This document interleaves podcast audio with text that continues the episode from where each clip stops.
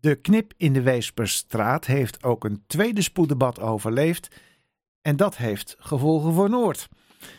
Iemand die zich er zorgen over maakt is Rob Post, voorzitter van de VBAN, de Vereniging van Bedrijven in Amsterdam Noord. Meneer Post, welkom in de uitzending. Ja, dank u wel.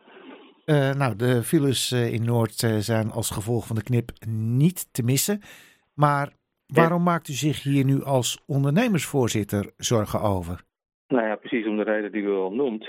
de Weesperstraat is voor Noord een toegangsweg en een uitvalsweg tegelijk. En ja, het feit dat nu de files op de Eilonlaan staan en op andere plekken in Noord en het lijkt me duidelijk dat dat dus betekent dat het verkeer in Noord dus een andere weg zoekt dan de Eitunnel en via de ringweg gaat. Ja, dat verstopt, dat verstopt het meteen. Ja, maar het gaat om een tijdelijke maatregel. Over een paar weken is alles voorbij. Dan heeft de gemeente genoeg meetdata verzameld. Uh, wilt u niet dat uh, Amsterdam die meetdata verzamelt? Nee, ik vind het allemaal een beetje uit de hand gelopen gekkigheid, als ik het eerlijk mag zeggen. Ja? Het heeft natuurlijk helemaal niks met meetdata te maken.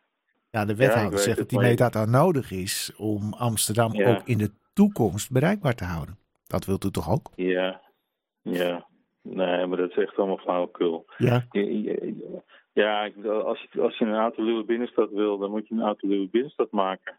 Maar dan moet je niet toegangswegen voor een stadsdelen moet je niet gaan blokkeren. Wat voor metadata levert dat op? Ik bedoel, het is toch te voorspellen. De bewoners in de buurt vinden het prachtig bewoners die, die eh, al die het verkeer door hun straat krijgen, die ze anders niet krijgen, vinden het niet leuk.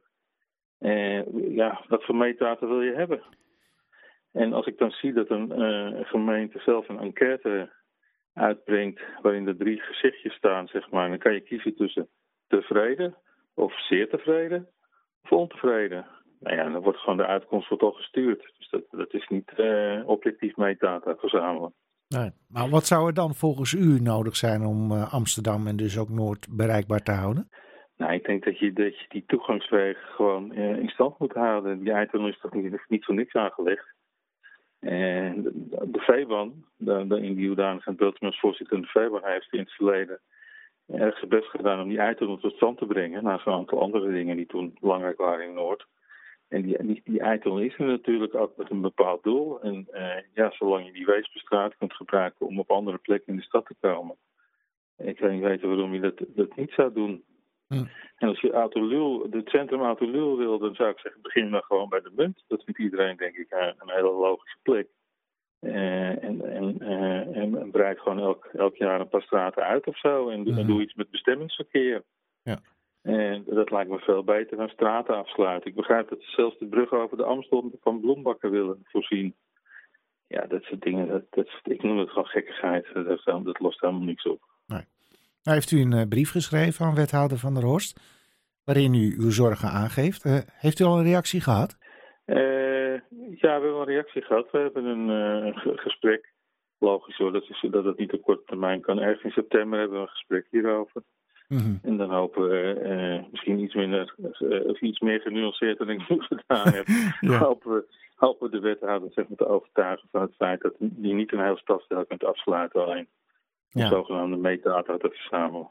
Maar in dat, dat gesprek wat u gaat voeren, uh, gaat u dan bijvoorbeeld ook het plan om vanaf 2025 diesels te gaan weer aan de orde stellen? Ja, ik denk dat, dat we natuurlijk andere onderwerpen ook dan proberen in de orde te stellen. Uh, en dan heb die diesels, dat is natuurlijk een onderwerp.